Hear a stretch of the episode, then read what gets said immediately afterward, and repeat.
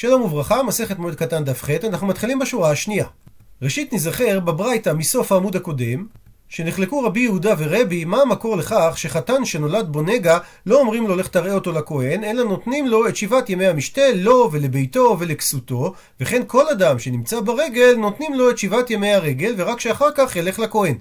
אז רבי יהודה אמר שהמקור לכך זה מה שכתוב וביום הראות בו, שיש יום שאתה רואה בו ויש יום שאי אתה רואה בו. רבי לעומת זאת אמר שלא צריך ללמוד את זה מהפסוק של ויום הראות בו, כי הרי הוא אומר לגבי נגעי בתים וציווה הכהן ופינו את הבית, ואם ממתינים לו לדבר הרשות עד שיוציא את הכלים, אז כל שכן שממתינים לו לדבר מצווה. ואומרת הגמרא, ורבי אמר איצטריך. כלומר, אפילו שאנחנו לומדים שאדם שיש צרעת בגופו, שהוא יכול להמתין מללכת לכהן, כמו שבצרעת שנמצאת בבית כתוב וציווה הכהן, בכל זאת לפי רבי צריך גם את הפסוק ביום מראות בו. דאי כתב רחמנה, כי אם התורה הייתה כותבת רק את הפסוק וביום מראות בו, הווה אמינא, אז הייתי חושב, לדבר מצווה אין, לדבר הרשות לא. שמותר לדחות את ראיית הכהן את הנגע רק אם מדובר על דבר מצווה, אבל לא לדבר רשות. לכן כתב רחמנה את הפסוק וציווה הכהן. כדי לומר שניתן לעשות את הדחייה הזאת גם לדבר הרשות. ומצד שני, והיא כתב רחמנה, ואם התורה הייתה כותבת רק את הפסוק וציווה הכהן, הווה אמינא, אז הייתי חושב, הני אין, דלאו טומאה דגופי. ניתן לדחות את ההליכה לכהן שיראה את הנגע רק בצרת הבקתים, כי זה לא טומאה שנמצאת בגופו של אדם. אבל טומאה דגופי, אבל טומאה שנמצאת בגופו של אדם, אימה תאמר מיחזי אחזיה שצריך ללכת להראות אותה הכהן, שלא ניתן ללמוד דחייה בטומאה שנמצאת בגופו של האדם, מטומאה שלא נמצאת בגופו של האדם, כאשר מדובר על דבר רשות מהפסוק וציווה הכהן ופינו את הבית, שאולי הדבר הזה הוא חידוש. כמה שמלן, באה התורה ומביאה לנו גם את הפסוק וביום הרעות, ששם מדובר על טומאה שנמצאת בגופו של אדם, וכן ממתינים לו לדבר מצווה. והואיל ומצאנו שממתינים לו לטומאה שנמצאת בגופו של אדם, אז יש לנו גם כוח ללמוד מהפסוק וציווה הכהן שממתינים לטומאה שנמצאת בגופו של אדם גם לדבר הרשות. ולכן לפי רבי צריכה את שני הפסוקים.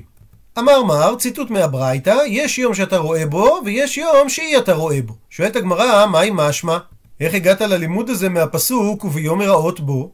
מביאה הגמרא שתי תשובות. תשובה ראשונה אמר אביי, אם כן, לכתוב רחמנה ביום. מהי וביום? למה התורה הוסיפה את הוו?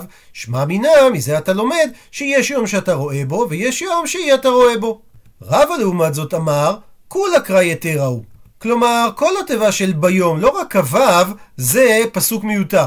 דאם כן, התורה הייתה צריכה לכתוב רחמנה ובהראות. מאי וביום? שמע מינה, יש יום שאתה רואה בו ויש יום שאי אתה רואה בו.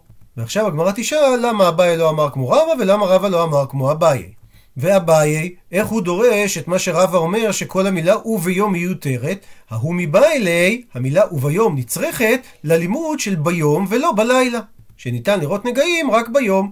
ורבא, את הדין של ביום ולא בלילה מנהלי, מהיכן הוא לומד אותו? נפקא ליה, הוא לומד את זה מזה שכתוב, נקרא בפנים, ואם פרוח תפרח הצרחת באור, וכיסתה הצרחת את כל אור הנגע מראשו ועד רגליו, לכל מראה עיני הכהן. אז מזה שכתוב לכל מראה עיני הכהן, משמע ביום שיכול לראות. וממילא נשאלת השאלה, ואביי, מה הוא לומד מהפסוק לכל מראה עיני הכהן? עונה הגמרא, ההוא מבא אלי, הפסוק הזה נצרך ללמוד את הדין למיעוט סומה באחת מעיניו. שמזה שכתוב מראה עיני, זה אומר שיש לו שתי עיניים. שואלת הגמרא, ורבא נמי מבא אלי להכי. והרי גם לפי רבא צריך את הפסוק הזה כדי למעט את הדין של למיעוט סומה באחת מעיניו. עונה הגמרא, אין הכי נמי. אכן, גם רבא לומד את הדין הזה מהפסוק שלכל מראה עיני הכהן. אבל אם כך, ואלה חוזרת השאלה של הדין ביום ולא בלילה, מנהלי, מהיכן רבא לומד אותו? אומרת הגמרא, נפקא ליה, הוא לומד את זה מזה שכתוב, נקרא בפנים, ובא אשר לו הבית, והגיד לכהן לאמור, כנגע נראה לי בבית. ומזה שהפסוק אומר מכנגע נראה לי בבית, מדייק רבא לי ולא לאורי. שאין צריך לאור הנר, דהיינו דווקא ביום. וכמו שהאדם אומר שנראה לו הנגע רק ביום, באותה שעה כתוב גם ובא הכהן. זאת אומרת שגם הכהן רואה את הנגע ביום. וממילא נשאלת השאלה, ואביי, למה הוא לא לומד כמו רבא, שמזה שהוא אומר מי כנגע נראה לי בבית, לי ולא לאורי? אומר לך אביי, אם מהתם, אם הייתי לומד את זה מהפסוק הזה, הווה אמינא הייתי חושב, הני מילי טומאה דלאו דגופי. שרואים ביום דווקא טומאה שלא נמצאת בגופו של האדם, כמו טומאת בתים. אבל טומאה דגופי אולי אפילו לאורו נמי, שמותר לראות נגע צרת שנמצא באדם לאור נר או לאור פנס. כמה שמלן באה התורה ללמד אותנו. דווקא מהמילה וביום יראות בו, כי הפסוק מדבר בו, דהיינו בטומאה שנמצאת בגופו של אדם. ואומרת המשנה, ועוד אמר רבי מאיר, מלקט אדם עצמות אביו ואימו, מפני ששמחה היא לו. רבי יוסי אומר, אבל הוא לו. בזמן המשנה היו מערות קבורה, ואנשים היו משאירים את גופת הנפטר עד שהגוף יתכלה ויישארו עצמות בלבד. כעבור זמן מסוים, כאשר נשארו רק העצמות, לקחו את העצמות יחד עם חפצי הערך של הנפטר, ואותם הניחו בכור חצוב. לדוגמה, במאספה הספציפית שאנחנו רואים מגיא בן הינום, נטמנו עצמות של 95 בני אדם לאורך למעלה מ-100 שנים. והסיבה שמלקט אדם עצמות אביו ואימו, כי הוא צריך להוליכן למקום אחר כדי לקוברם בקברות אבותם. ורבי מאיר טוען שמותר לעשות את זה בחול המועד כי זה שמחה שהוא קובר אותם בקברי אבותיו ולכן זה לא גורם לו צער במועד. רבי יוסי אוסר את הדבר ואומר שלא ילקט מפני שזה אבל. אולי נקודת המחלוקת שלהם, האם אנחנו צריכים שמחה אובייקטיבית או שמחה סובייקטיבית. דין נוסף, אומרת המשנה, לא יעורר אדם על מתו ולא יספידנו קודם לרגל שלושים יום. הוא מסביר רש"י, לא יערער על מתו. אם מת לא מת חודש או חודשיים קודם המועד, אז שלא יזכור ספדן לחזור על קרוביו לומר בכו עמי כל מראה נפש. ולא יספידנו זה במקרה שמת לא מת בתוך שלושים יום לפני הרגל, אז לא יזכור ספדן כדי להספידו, ואומר רש"י שהזמן של 30 יום הולך על שני הדינים, גם לגבי לערער וגם לגבי להספיד. והגמרא תסביר מה העניין של 30 יום. מקשה הגמרא הורי מינו סתירה בין מקורות תנאים, שיש ברייתא במסכת שמחות שאומרת, המלקט עצמות אביו ואמו, הרי זה מתאבל עליהם כל היום, ולערב אין מתאבל עליהם. ואמר רב חיסדא על כך, אפילו צרורים לו בסדינו. דהיינו שלא הוא ליקט אותם, הוא לא רואה את העצמות, ובכל זאת הוא מתאבל כל זמן שהם לא נקברו. ואם כך, קשה לרבי מאיר שאמר במשנה שלנו שמותר ללקט עצמות בחול המועד מפני ששמחה היא לו. עונה על כך, אמר אביי, אימה תאמר לא מפני ששמחה היא לא לאדם, אלא מפני ששמחת הרגל עליו. כלומר, הוא כל כך עוסק בשמחת הרגל, שאפילו ליקוט העצמות של אביו ואמו לא יגרום לו צער. ולא כמו שהבנו בהווה אמינא, שליקוט העצמות גורם לו שמחה. ציטוט מהמשנה, ולא יערער על מתו. שואלת הגמרא, מהי לא יערער על מתו? מה משמעות הפעולה הזאת של הלערער? אמר רב, כד הדר ספדנה במערבה, כדרך שהיו הספדנים בארץ ישראל, אמרי אומרים, יבקעון אימי כל מרירי ליבה. יבכו על הנפטר כל מרירי הלב. הספדנים היו הולכים אל קרובי הנפטר ואומרים להם, תבכו עמי כל מרי נפש. וזה דבר שאסור לומר אותו במועד. ציטוט מהמשנה, קודם הרגל 30 יום. שואלת הגמרא, מה ישנה 30 יום? למה האיסור לעורר ולספוד זה דווקא 30 יום? עונה על כך הגמרא שתי תשובות. תשובה ראשונה אמר רב כהנא, אמר רב יהודה, אמר רב, מעשה באדם אחד שכינס מעות לעלות לרגל, כלומר, היו לו מעות שהיו מזומנות לצורך הוצאות העלייה לרגל. אבל אז הובא ספדן ועמד על פתח ביתו, ועורר על המת, ונטלתן אשתו ונתנתן לו. דהיינו, נתנה את הכסף לספדן. וזה גרם שאותו אדם ונמנע ולא עלה. אז באותה שעה אמרו, לא יעורר על מתו ולא יספידנו קודם לרגל 30 יום. כי זה יכול לגרום שאנשים ישלמו לספדנים את הכסף ולא יהיה להם כסף לעלייה לרגל. תשובה שנייה, ושמואל אמר, הפכנו דף, לפי שאין המת משתכח מן הלב 30 יום. כלומר, כיוון שהמת לא משתכח מן הלב 30 יום, אז אם מספידו פחות מ-30 יום לפני הרגל, זה יכול לגרום שיספידו אותו גם ברגל עצמו, כי עדיין לא שכחו את המת. ושואלת הגמרא, מהי בניו? מה נפקא מינה בין דברי רב לדברי שמואל? עונה הגמרא, איכא בניו, יש ביניהם את ההבדל דכאביד בחינם. במקרה שהספדן לא לוקח כסף. מאן דאמר שזה רב, שהסיבה שלא מספידים 30 יום זה משום ממעות שאדם זימן לרגל. אז במקרה שהספדן עושה את ההספד בחינם, מותר להספיד. לעומת זאת, ומאן דאמר, לפי שאין המת משתכח מן הלב 30 יום, שזה דברי שמואל, הרי גם אם הספדן מספיד בחינם, עדיין יהיה אסור להספיד. ואומרת המשנה, אין חופרים כוכים וקברות במועד, אבל מחנכים את הכוכים במועד, ועושים נברכת במועד, וארון עם המת בחצר. רבי יהודה אוסר, אלא אם כן יש עמו נסרים. הוא מסביר רש"י, לא חופרים כוכים וקברות בכל המועד לצורך מתים שימותו בעתיד, שדרכם היה לחפור כוכים וקברות כדי לזמן אותם לצורך המתים שימותו, והסיבה שלא עושים את זה כי זה טרחה יתרה. אבל כן, מחנכים, דהיינו, מתקנים אותם. ועושים נברכת שזה בריכה של כובסים ואין בה הרבה טרחה.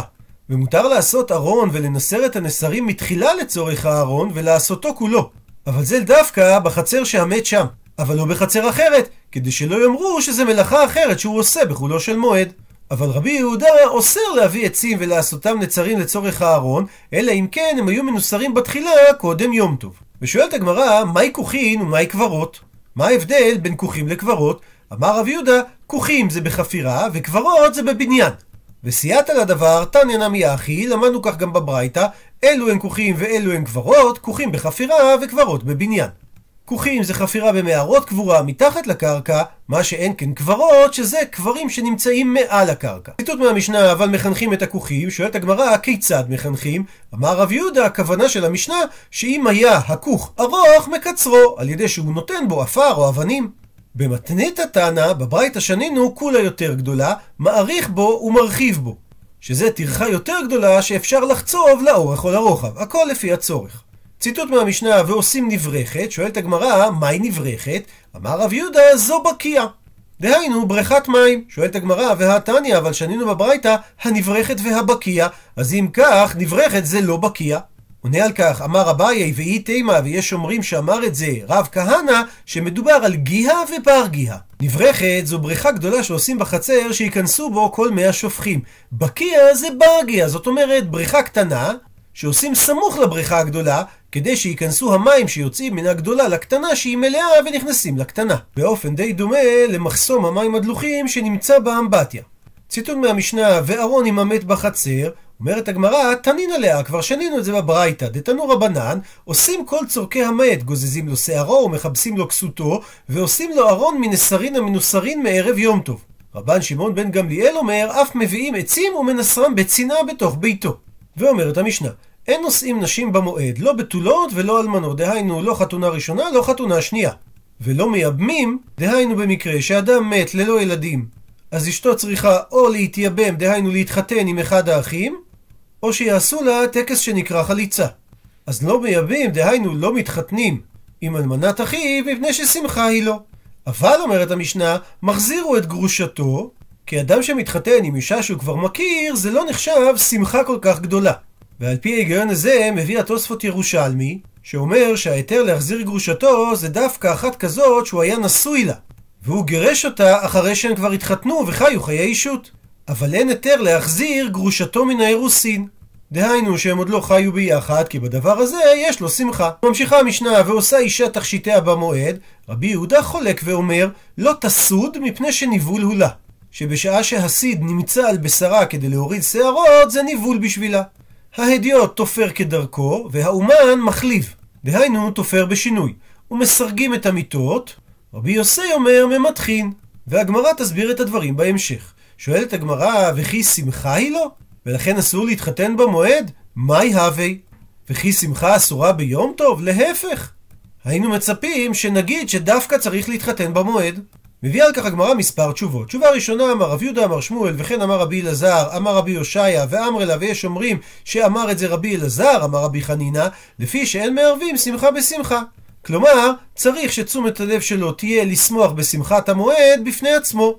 תשובה שנייה רבא בר אבונה אמר מפני שמניח שמחת הרגל ועוסק בשמחת אשתו. וזו תשובה יותר ממוקדת מהתשובה הראשונה שלפי התשובה הראשונה אסור לערב אף שמחה אחרת משמחת הרגל, לעומת התשובה השנייה שאומרת שדווקא הבעיה היא בשמחת אשתו אל מול שמחת הרגל. ועל תשובה זו אמר לאביי לרב יוסף, הא דרבא בר אבונה דרבו, המקור זה דברי רב, דאמר רב דניאל בר קטינא, אמר רב, מניין שאין נושאים נשים במועד, שנאמר ושמחת בחגיך. אז יש פה מיעוט שהשמחה היא בחגיך ולא באשתך. תשובה שלישית, אולה אמר מפני הטורח, שאדם יהיה צריך לטרוח לצורך שמחת הנישואים, וטרחה במועד אסורה.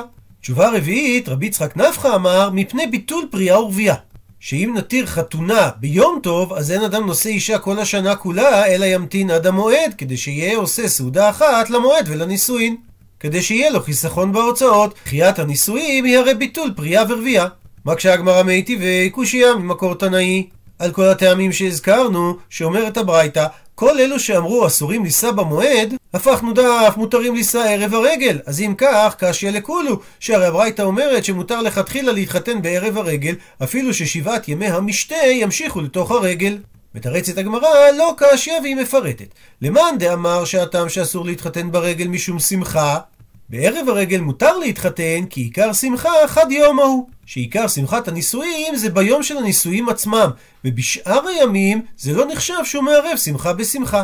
ולמאן דאמר שהסיבה שאסור להתחתן ברגל זה משום טרחה, עיקר טרחה חד יום ההוא. שהרי עיקר הטרחה של הנישואים זה ביום הראשון שבו מתחתנים. ולמאן דאמר שאסור להתחתן ברגל משום ביטול פריאה ורבייה, לחד יומא לא מה שהיא איניש נפשי. כלומר, כיוון שאדם לא יכול להתחיל את החתונה אלא בערב הרגל, אז הוא לא ימתין עד הרגל עצמו, כי אולי יקרה משהו, והוא לא יוכל להתחתן בערב הרגל, ואז הוא יצטרך לדחות את החתונה לאחרי הרגל.